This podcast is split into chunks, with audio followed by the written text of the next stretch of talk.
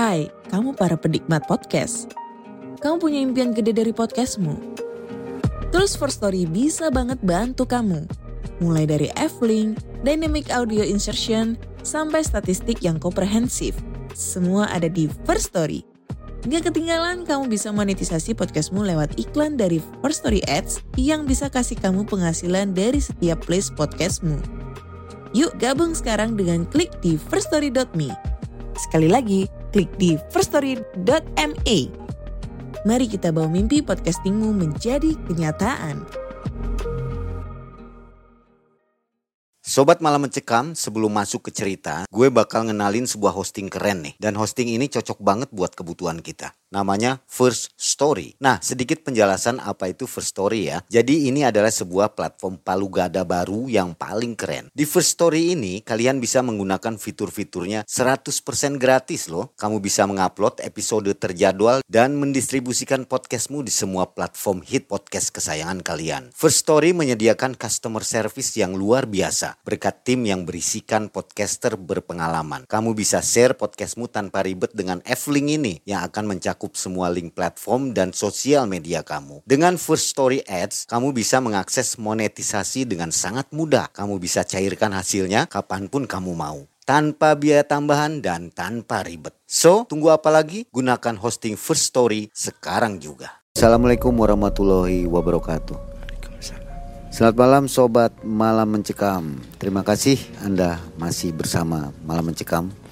Kali ini Mang Ei dan tim akan menemani Anda, menemani waktu Anda bersantai di malam hari ini dengan menghadirkan kembali narasumber. Di depan Anda sudah ada Mas Ben. Nah, ini kali ketiga Mas Ben menceritakan kisah nyata dalam kehidupannya. Ya, karena Mas Ben ini adalah seorang petualang, jadi banyak pengalaman mistisnya.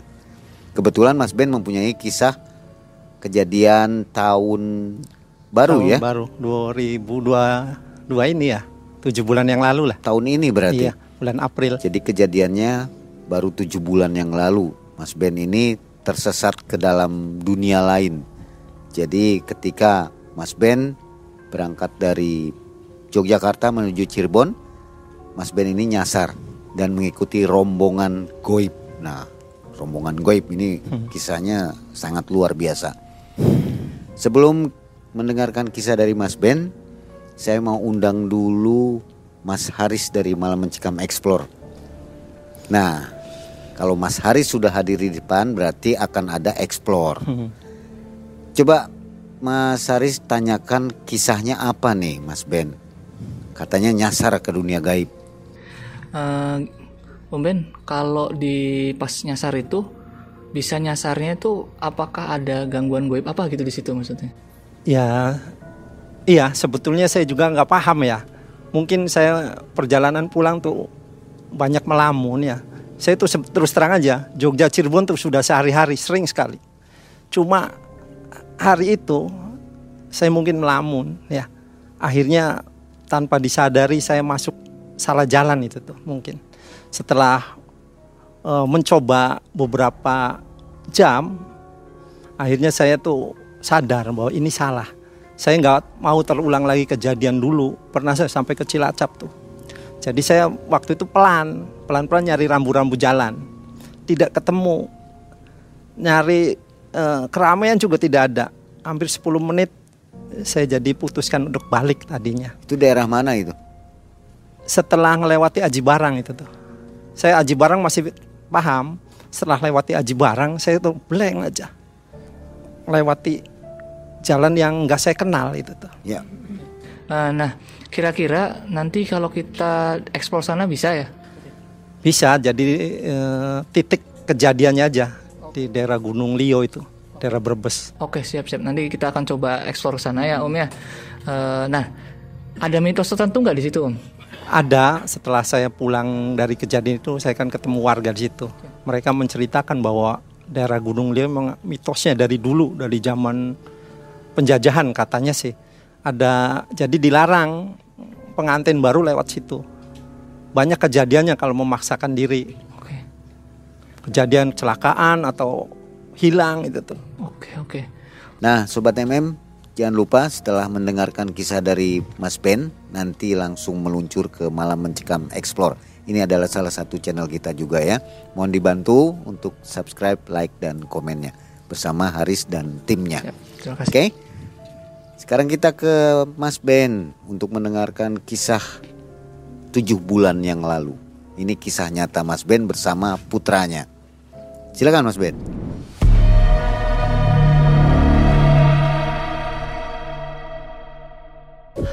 Jadi kejadiannya tujuh bulan yang lalu, sekitar bulan April. Setelah pemerintah mencabut larangan bepergian jauh dan mudik. Saya sama anak saya merencanakan secepatnya pergi ke Yogyakarta. Karena di sana ada barang-barang anak saya yang tertinggal waktu kuliah.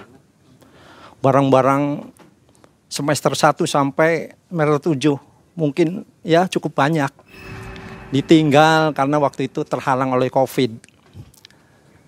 Eh, singkat cerita, saya dan anak saya pagi-pagi sekali berangkat menuju Yogyakarta. Perjalanan ini saya nikmati karena hampir tiga tahun saya tidak bepergian.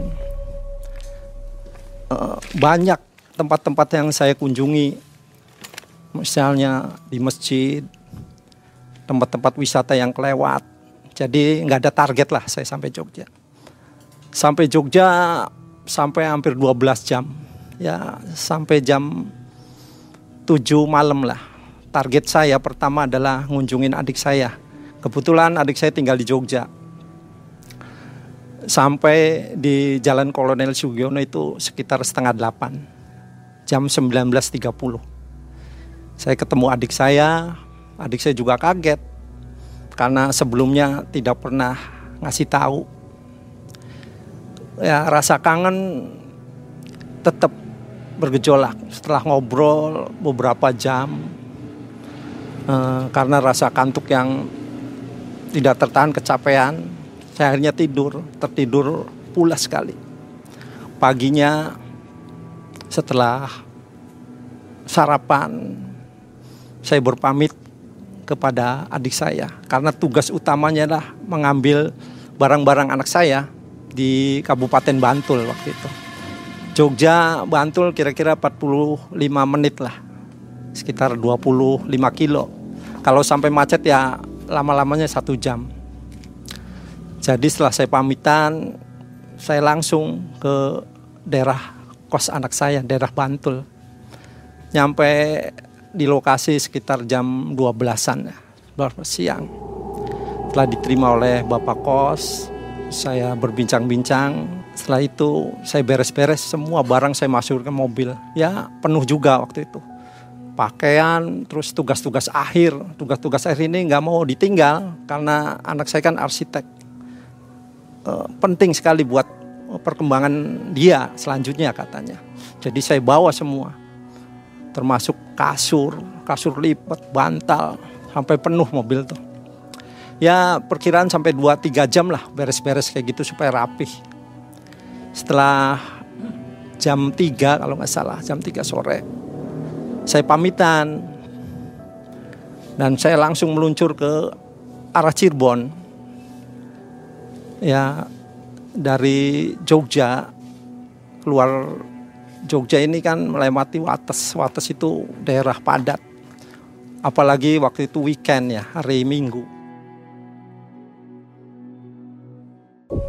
Banyak uh, turis-turis yang berletter B itu hadir mudik menuju Jogja dan keluar Jogja. Akhirnya uh, agak lambat lah nyampe ke daerah Gombong itu menjelang maghrib. Setelah di Gombong saya sempatkan sholat, makan, dan isi bensin full. Karena saya tahu jalur dari Gombong ke Cirebon itu melalui bukit-bukit. Susah sekali nyari pembensin atau makan. Dari Gombong sekitar dua jam lah. Setelah dua jam saya nyadari kok daerah ini tidak saya kenal aneh saya berkali-kali Cirebon Jogja udah merasa apal. Tapi hari itu kok sampai kelewatan gitu tuh. Antisipasinya saya pelan-pelan, kecepatan saya kurangin, saya cari rambu-rambu arah. Dan tidak pernah ketemu hampir 15 menit. Nyari pom bensin juga nggak ada.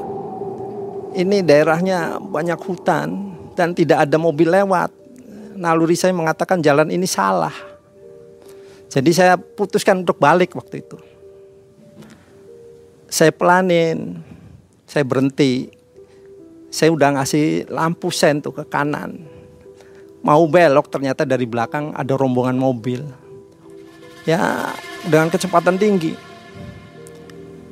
Sekitar saya hitung ada 6-7 mobil. Kecepatannya tinggi sekali. Jadi saya putuskan nih, saya yakin ini arah yang benar karena mobilnya mobil-mobil bagus kayaknya. Pikir saya ini ke arah Jakarta tanpa pikir panjang saya kejar tuh mobil. Jadi saya berdampingan tuh tujuh saya mobil paling belakang. Tapi susah sekali ngejarnya. Saya pada kecepatan udah 100. Cuma saya nggak lihat letternya karena lampu mobil itu terang sekali nggak kelihatan. Jarak saya padahal dengan mobil yang terakhir tuh sekitar 10 meter lah. Tapi nggak kelihatan letter apa nih, nggak jelas sama sekali. Cuma saya pikir udahlah yang penting ikutin ini pasti jalan yang benar. Setelah perjalanan dua jam nih, saya aneh juga. Kok dua jam saya nggak pernah melihat uh, keramaian, nggak pernah lihat pom bensin, apalagi Indomaret, Alfamart biasanya kan di jalur-jalur itu ada. Baru seperempat jam aja sudah ada keramaian. Jadi saya uh, pikir ini salah lagi nih dari awal sudah salah, ini ngikutin rombongan juga salah. Naluri saya begitu mengatakan. Saya putuskan juga waktu itu. Ah, mending balik lagi. Ini salah pasti. Saya mau ngurangin kecepatan, rombongan itu juga ngurangin kecepatan. Dari 100 ke 90, ke 80. Terus malah sampai berhenti. Saya ikut berhenti ternyata mobil itu berhenti di uh, persimpangan dan di seberangnya itu ada rumah besar, rumah berbentuk Eropa terang sekali. Dan saya lihat dari kejauhan itu kelihatannya banyak orang berkerumun lah. Ada meja-meja kayak ada pesta lah. Kalau di Jawa sih di kita apa ya lek-lekan lah gitu ya. Saya lihat tuh begitu dari kejauhan. Tapi saya lihat dari jauh tuh kok aneh kulitnya berwarna-warni. Ada yang merah, ada yang biru, ada yang hitam. Kebanyakan si merah saya lihat dari jauh. Cuma saya juga rada aneh. Cuma logika saya mengatakan itu mungkin pengaruh lampu. Karena di situ lampu kayak ada lampu disco juga tuh putar-putar ya. Mobil-mobil yang di depan juga berhenti itu eh, membuka pintunya masing-masing. Ternyata warnanya sama. Ada yang merah ada yang pitu kayak aduh kalau di cerita-cerita film itu kayak uh, Halloween lah perayaan Halloween gitu ya. Warna-warni kayak pakai kedok-kedok muka itu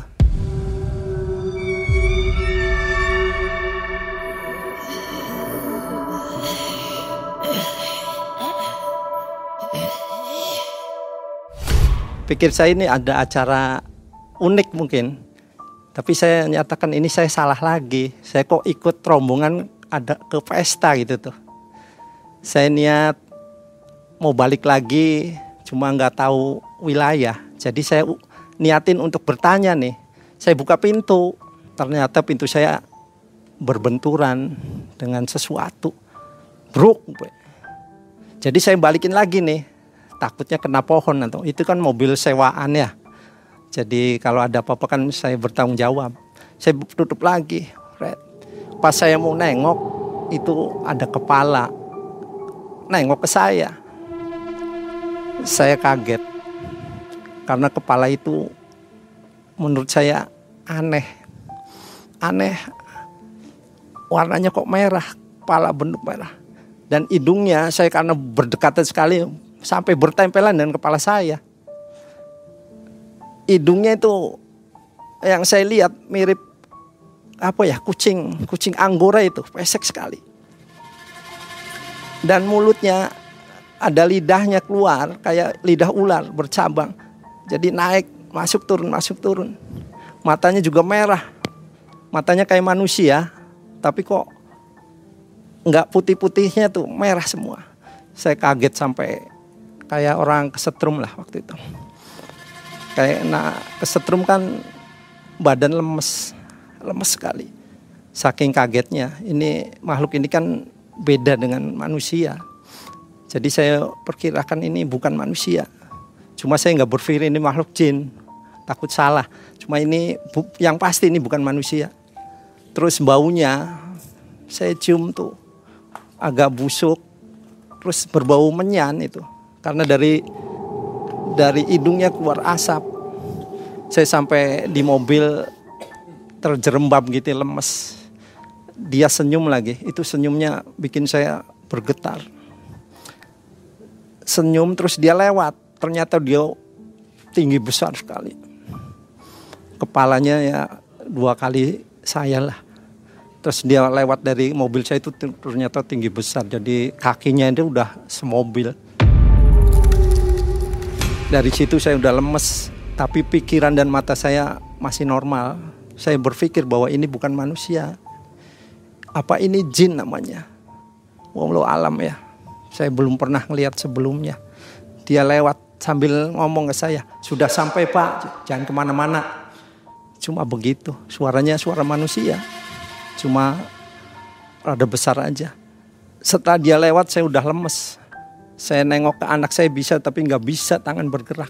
Ngomong juga nggak bisa, anak kagetnya uh, makhluk itu pergi mendekati rombongan-rombongan. Jadi dia kelihatannya kayak kalau di manusia sih kayak satpam lah. Karena dia pakaiannya nih mirip hansip. Pakaian manusia hansip. Celananya juga hijau hansip. Jalan. Menyambut tamu-tamu itu, rombongan. Kelihatannya yang saya lihat dari mobil yang ter, depan paling depan itu keluar makhluk yang uh, kalau jenisnya sih laki-laki udah pasti. Pakainya jas kayak pakaian Eropa. Dikawal oleh beberapa anak kecil. Saya bisa memastikan ini pengantin karena dia dikalungkan. Ada kalung bunganya. Mirip manusia lah prosesinya cuma saya lihat itu hidungnya hidungnya mirip semua kayak oh, hidung kucing. Kucing anggora itu pesek kan. Terus lidahnya banyakannya mirip ular, banyakannya. Ada yang mukanya juga mirip anjing, bukan mukanya ini, moncong mulutnya ini anjing. Tapi warna-warni yang saya lihat.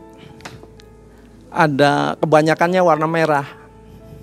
Saya nggak tahu nih warna ini apa status mereka atau apa. Tapi kebanyakannya merah mereka turun. Kelihatannya disambut oleh rombongan yang rumah mewah ini. Nah ini dari pihak uh, rumah yang saya tahu ini warnanya beda lagi.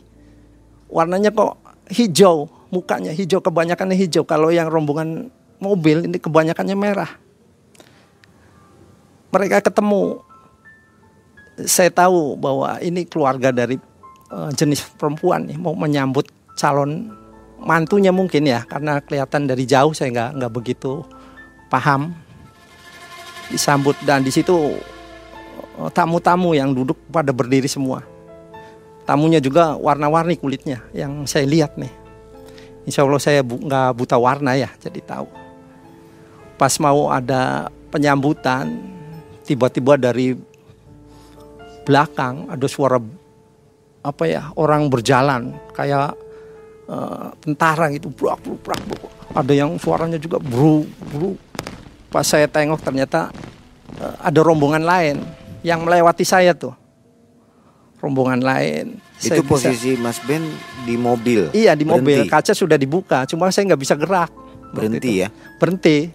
Jadi saya nggak bisa apa-apa di mobil cuma mata sama pikiran saya masih normal saya masih lihat seakan-akan saya tuh disuruh nonton gitu tuh. Seakan-akan suruh menyaksikan kejadian ini. Nah itu rombongan yang lewat saya itu rata-rata melihat saya. Berarti dia, dia ngelihat saya ada ya. Macam-macam. Ada yang besar. Ada yang kecil sekali. Mereka bawa baki yang saya lihat. Bawa baki masing-masing. Jadi mirip mirip manusia kalau ada acara kenduri itu ya. Bawa oleh-oleh gitu tuh. Itu dari tebok, anyaman, ada yang dari keranjang. Itu saya sampai ngelirik, ngelihatnya itu kayak tulang. Tulang-tulang hewan besar-besar kayak tulang sapi lah. Tulang kerbau untuk kambing itu. Jadi dibaki itu. Tapi sudah dipotong-potong itu. Kalau nggak salah saya ngeliat tulang. Terus ada bawa kacang-kacangan, kacang tanah itu yang lewat sih. Jadi saya tahu, saya melirik sempat melirik apa saya pengen tahu rasanya tahu. Kacang-kacangan. Terus yang saya heran ini ada manusianya juga. Manusia tapi kok manusianya kok dirantai. Saya sampai merinding. Bulu kuduk saya berdiri semua. Karena apa? Ini jenis saya nih, manusia. Kok bisa jadi budak gitu tuh. Sebabnya apa saya nggak nggak begitu paham. Jadi kayak kita punya peliharaan lah. Kayak anjing, kucing ditarik tuh. Saya lihat sih ada beberapa kayak gitu. Dan pakaiannya, pakaiannya udah rusak cuma samping. Ada yang melirik saya. Eh, matanya memelas, saya sampai terenyuh sekali.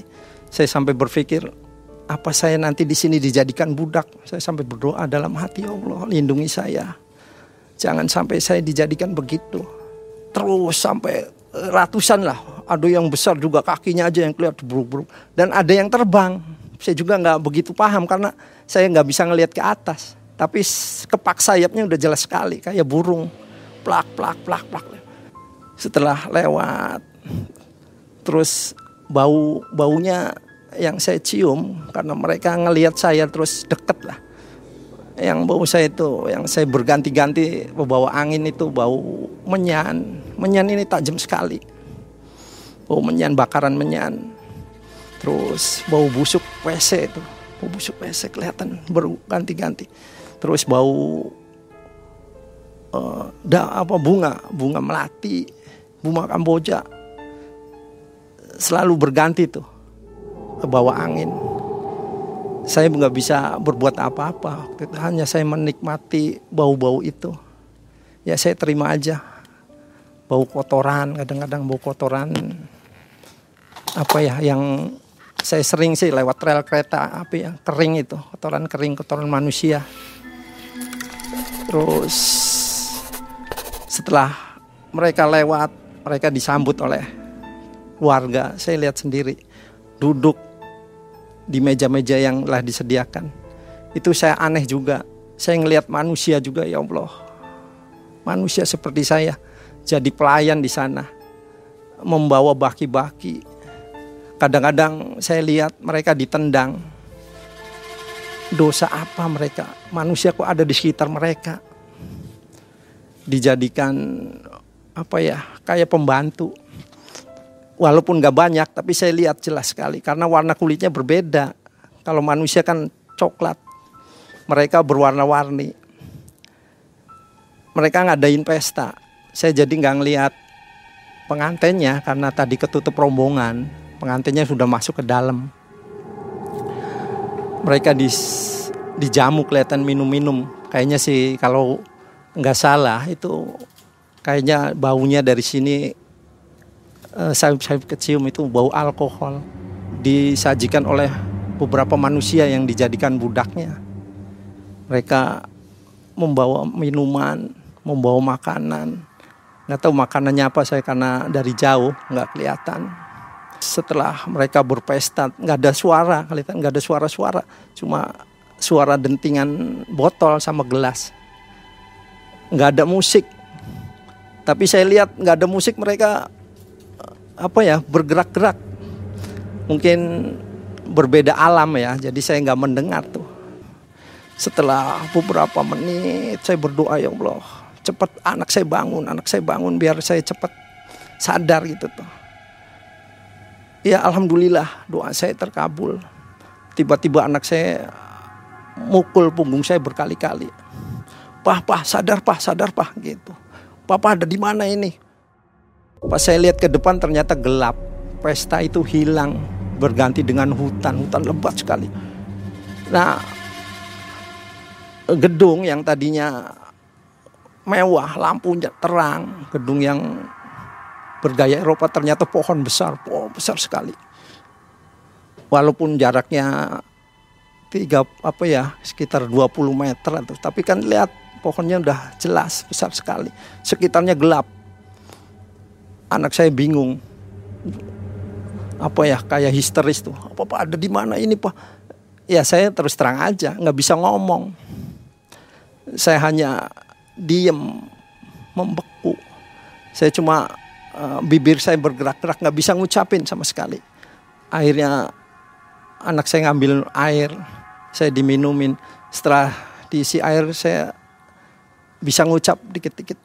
Saya nanya, nggak tahu ah kok ada di sini. Saya mau cerita juga nggak bisa karena masih apa ya bingung pikiran saya itu kayak mimpi.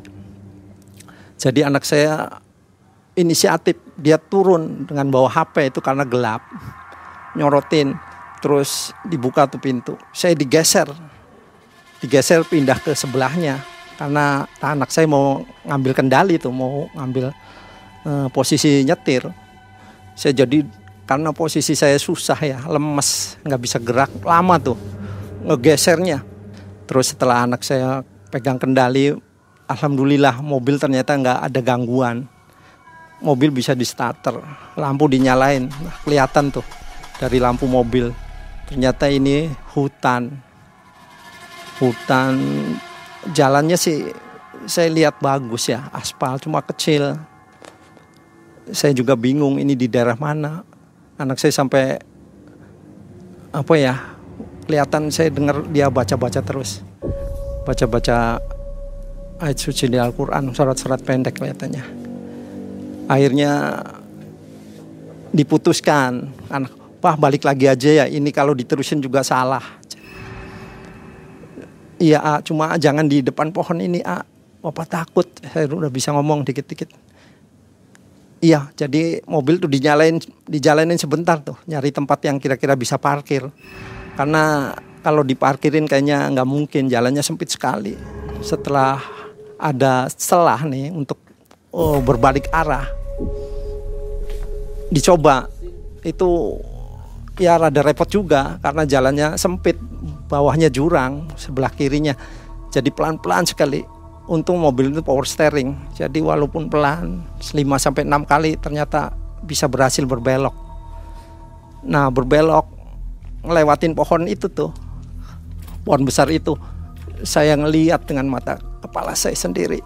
Banyak bergelantungan makhluk di situ ya sesuai yang saya lihat sebelum warna-warni mengeluarkan sinar jadi jelas sekali tapi anak saya nggak ngelihat saya aja.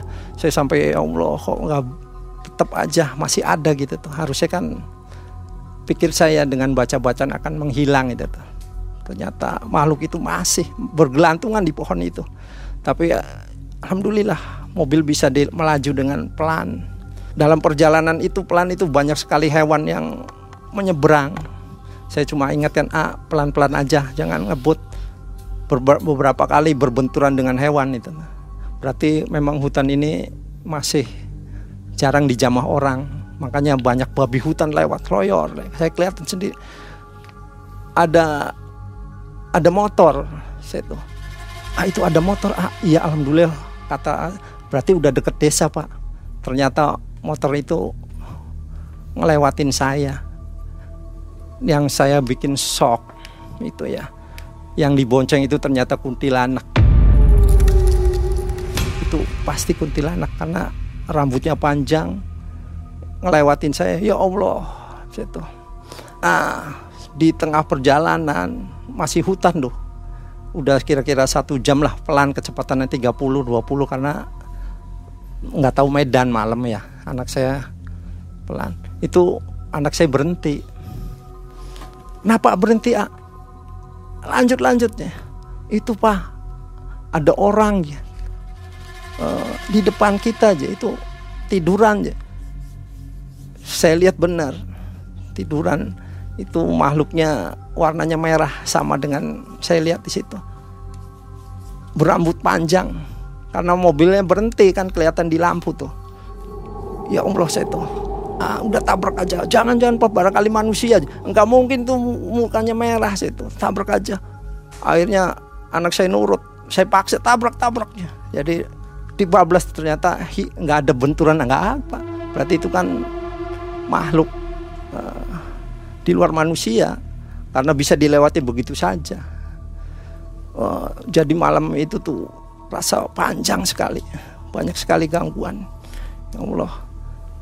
Akhirnya lama-lama saya ngelihat desa dari jauhan.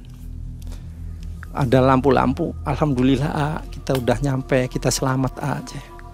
Iya pak akhirnya saya ngeliat tegalan-tegalan tuh bekas-bekas sawah yang sudah dipanen. Nah di situ saya tadinya sudah bersyukur ya mau nyampe desa. Ternyata ada jalur per perempatan. Saya bingung lagi yang mana ah saya jadi mobil tuh berhenti sebentar bingung kanan lurus atau kiri perempatan. Akhirnya anak saya mutusin kayaknya ke kanan pak. Itu kelihatan ke kanan kan ada lampu-lampu desa aja. Lurus kan nggak ada aja. Jadi anak saya belok kanan. Saya nurut ya udah belok kanan nih. Ternyata jalannya rusak. Jalannya rusak sekali. Jadi saya tuh ah salah jalan ah mau belok lagi nggak bisa karena jalannya setapak. Ini banyak pohon. Mundur juga ngeri karena gelap ya nggak kelihatan. Jadi diputuskan untuk berhenti. Berhenti dulu ah kita berdiskusi dulu. Aja saya udah bisa ngomong cuma kaki masih lemes. Waktu berhenti itu ada apa ya kayak jatuh buah-buah itu dari atas gubra gubra gubra ke mobil. Ya Allah mobil ini rusak lagi nih. Saya pikir ini uh, buah ya. Buah apalah pada jatuh kena angin tuh. Ternyata bukan buah. Soalnya ada yang berhenti di di kaca mobil itu. Nggak ngegelundung. Saya kaget lagi. Anak saya sampai menjerit. Itu bukan buah. Itu kalau di Cirebon itu gelundung ceringis jadi kayak buah jeruk jeruk Bali ya. Tapi ada mulutnya ada matanya. Yang itu yang bikin anak saya shock. Anak saya kan umurnya masih 25 tahun belum pernah uh, mengalami hal ini. Dia sampai mau pingsan. Ya Allah jadi waktu itu karena saya punya tanggung jawab besar ya ngelindungin anak dan keselamatan terutama anak saya ini yang masih muda yang baru lulus sarjana. Jadi semangat saya muncul tiba-tiba energi saya muncul saya langsung bisa bergerak. Karena faktor keadaan inilah itulah keistimewaan manusia ya. Kalau terdesak itu punya energi. Anak saya karena anak saya udah pengen pingsan ngelihat itu kalau saya sih udah tua ya udah biasa mengalami kejadian yang aneh. Jadi walaupun ngelihat itu nggak begitu shock. Kaget sih kaget wajar ya manusiawi. Jadi anak saya geret saya balikin ke sebelah saya. Saya ngendalikan saya tabrak tuh makhluk-makhluk gitu. Sambil baca baca udah nekat aja saya jadi mau mundur. Salah maju juga salah. Itu ya gelindung pringis itu hampir ada banyak anak enam tujuh tujuh bunderan itu.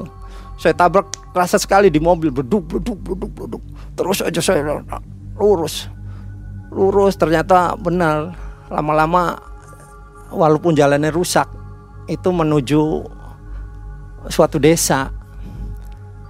Saya masuk aja. Ternyata di sana ada ronda. Orang yang ronda itu kaget ada mobil masuk wilayahnya. Sekitar jam satuan lagi. Mereka pada bangun di pos ronda tuh. Ada suara mobil tuh.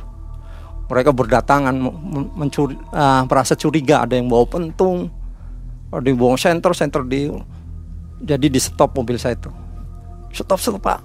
Bapak dari mana aja? Kok ada di sini aja? Dia nyorotin mobil. Kebetulan mobil saya kan banyak barangnya dia mencurigai barangkali saya dapat menggarong ya. Akhirnya tanya bapak dari mana? Terus anak saya udah nggak bisa ngomong kebalik sama saya sebelumnya. Sebelah jadi saya jelasin pak saya dari Jogja. Ini barang-barang ini barang-barang anak saya barang-barang waktu kuliah. Bapak boleh lihat semua nggak ada barang berharga itu. Jadi disorot tuh karena kecurigaan masyarakat situ oh kok bisa di sini pak nanti saya ceritain pak boleh saya istirahat pak aja jadi saya digiring ke pos pos ronda waktu itu di saya lupa desanya. Padahal dia waktu itu mencari desa desanya nama dia karena udah blank. Gitu. Saya di situ di situ ternyata di pos ronda udah ada dua orang jadi semua lima. Mereka kelihatannya ngebel ngebel sesepuhnya waktu itu karena ada orang mencurigakan pak jasin bapak sini ternyata dia kepala desa datang pakai motor. Saya jelaskan kepala desa bahwa saya kesasar pak. Saya dari Jogja nggak tahu. Saya jadi kepala desa memperintahkan saya untuk menceritakan tuh di pos ronda. Sambil saya diberi kopi anak saya juga oh, udah lemes. Dibopong sama orang-orang itu untuk duduk di pos ronda. Terus saya cerita kejadian sebenarnya. Terus kepala desa menceritakan balik bahwa bapak alhamdulillah pak bisa balik lagi. Uh, di sana yang yang ditakutkan bukan manusia pak. Di sana nggak ada manusia yang berani. Nggak ada garong nggak ada apa. Yang yang ditakutkan ya makhluk halus itu sering menjerumuskan ke jurang. Oh gitu pak ya, iya alhamdulillah papa masih dilindungi aja. Banyak kejadian yang hilang di sana pak kalau malam. Terus dia menceritakan bahwa itu adalah Gunung Lio pak. Gunung Lio itu gunung di Kabupaten Brebes yang terkenal angker.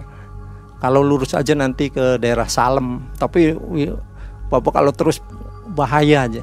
Naik turun jurang, Bapak bisa balik lagi udah uh, hebat. Jadi Pak Desa malah mengajukan jempol ke saya.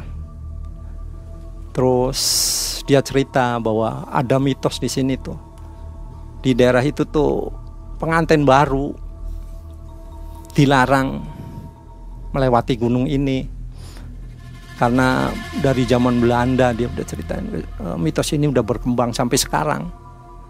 Warga sini udah paham. Kebanyakannya korbannya orang luar. Pengantin baru jalan-jalan ke Gunung Lio karena pemandangannya indah.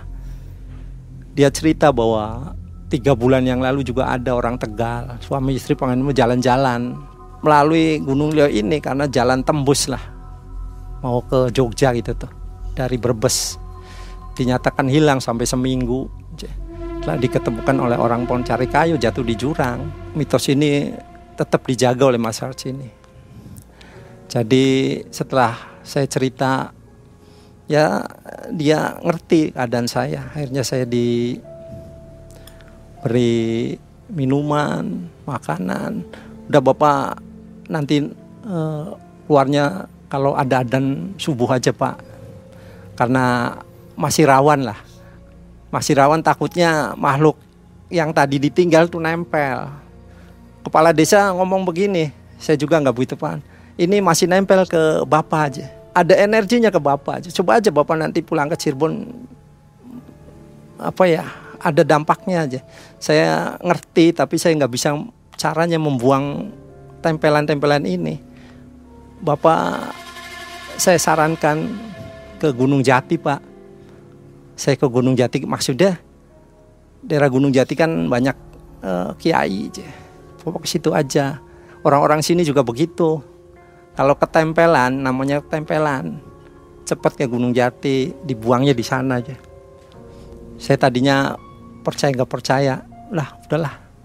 Ini wong saya baik-baik aja cuma kemarin kaget aja karena shock dia ke anak sih enggak pak ke bapak aja karena papa ngelihat ngelihat makhluknya. Kalau ngelihat makhluknya tuh biasanya akan mengganggu supaya bapak hidupnya apa ya susah gitu susah jadi nggak menceritakan lah kejadian-kejadian itu nggak boleh tapi bapak nggak boleh menceritakan pak. Cuma di saya aja. Ya begitu benar. Subuh saya dikasih tahu setelah dan subuh nih udah masyarakat udah ada aktivitas waktu itu. Ada yang ke sawah orang kampungan begitu. Jadi saya disuruh udah pak bapak jalan. Jalan aja lurus kira-kira setengah jam belok ke kiri. Itu udah jalan dua meninggalin desa. Jalan dua kira-kira dua satu jam lah baru jalan besar menuju Jawa Barat gitu tuh. ya saya turutin. Itu benar. Siang sampai nyampe Cirebon saya lihat sampai Cirebon mobil agak rusak. Ada yang pletot karena ya waktu di Gunung Lio bertabrakan dengan hewan-hewan itu. Lampunya juga retak. Ya udah saya tanggung jawab. Saya ngomong ke yang punya rental. Mau saya beresin semua saya ganti benar. Setelah saya di Cirebon itu ternyata omongan kepala desa itu benar saya beban sekali sering sesak napas. Usaha saya juga rada susah waktu itu tuh. Langganan kok pada pindah gitu tuh. Nggak tahu. Ada yang ngomong bapak tutup terus tokonya sih pak. Badan saya nggak merasa tutup. Mungkin pengaruh itu ya. Akhirnya rezeki saya seret waktu mau tidak mau saya ngikutin saran dari kepala desa saya punya teman kebetulan di daerah Perlita ke makam Gunung Jati itu teman SMA saya cerita saya dibawa ke Pak Ustadz kata Pak Ustadz juga benar Mas Ben ini kok banyak bebannya banyak makhluk yang nempel ya katanya. Saya percaya nggak percaya, mau dibuang tah aja. Saya tanya, beban apa sih Pak Ustadz? Ada makhluknya aja, banyak sekali pada nempel di beban saya. Sering sesek napas ya begitu. Kok tahu sih Pak Ustadz? Tahu mau dibuang, jadi saya di situ dilakukan prosesi ritual. Ritual saya disiramin air, doa sama dia. Terus saya diurut belakangnya benar terus terang aja setelah diurut tuh kelihatan enteng enteng sekali. Udah dibuang semua ini cuma di rumah masih ada nempel ya karena Mas Ben ini eh, nyampe rumah aja waduh saya tuh bingung. Kok nempel lagi di rumah? Iya ada aja di rumah. Jadi sampai sekarang belum di ritual di rumah. Karena waktunya sih ya empat jadi dampaknya itu luas sekali. Dari ngelihat makhluk pesta nempel ke sampai nempel ke rumah. Ya Allah, ya itulah pengalaman pribadi saya tujuh bulan yang lalu. Semoga pengalaman ini bisa diambil sisi positifnya. Pesannya apa nih dari kisah ini? Pesannya kalau perjalanan malam tolong selalu berdoa karena malam ini adalah aktivitas makhluk goib termasuk jin. Jadi selalu berdoa dan jangan melamun. Mas Ben masih ingat nih tempatnya, lokasinya yang akan dijadikan tempat penelusuran? Ya kalau Gunung Lionya sih ingat karena saya melalui proses yang panjang tuh. Yang pasti itu daerah Brebes. Arah belok ke Gunung Lionya saya rada lupa. Cuma jalur-jalurnya saya apal sekali, jalur Gunung Lionya itu. Nah setelah kisah ini nanti Sobat MM akan melihat penelusuran ya Mas Haris dengan ya. Mas Ben Insya Allah, mungkin saya, bisa ke tempat Saya ingat-ingat bisa lah. Karena keluarnya saya ingat, berarti masuknya juga bisa. Ya. Hmm. Pada waktu itu Mas Ben nggak baca doa atau bagaimana sampai kejadian ini? Iya, saya banyak melamun, melamun uh, anak saya nanti lulus tuh nggak kerja apa enggak gitu aja kan biayanya mahal di arsitektur jadi pikiran kosong gitu ya? kosong ya? iya soalnya kondisinya kan lagi susah nih bangsa kita banyak pengangguran sarjana gitu iya oke Sobat MM, jangan lupa setelah mendengarkan kisah dari Mas Ben ini untuk langsung berkunjung ke Malam Mencekam Explore yang akan digawangi oleh Mas Haris dan di sana nanti ada Mas Ben juga yang akan Ya. ikut ke TKP ya. Demikian kisah dari Mas Ben, mudah-mudahan menjadi pesan yang baik untuk kita semua. Ambil yang positifnya dan jangan lupa buang yang negatifnya. Saya Mang Ai dan tim undur diri. Assalamualaikum warahmatullahi wabarakatuh. Waalaikumsalam.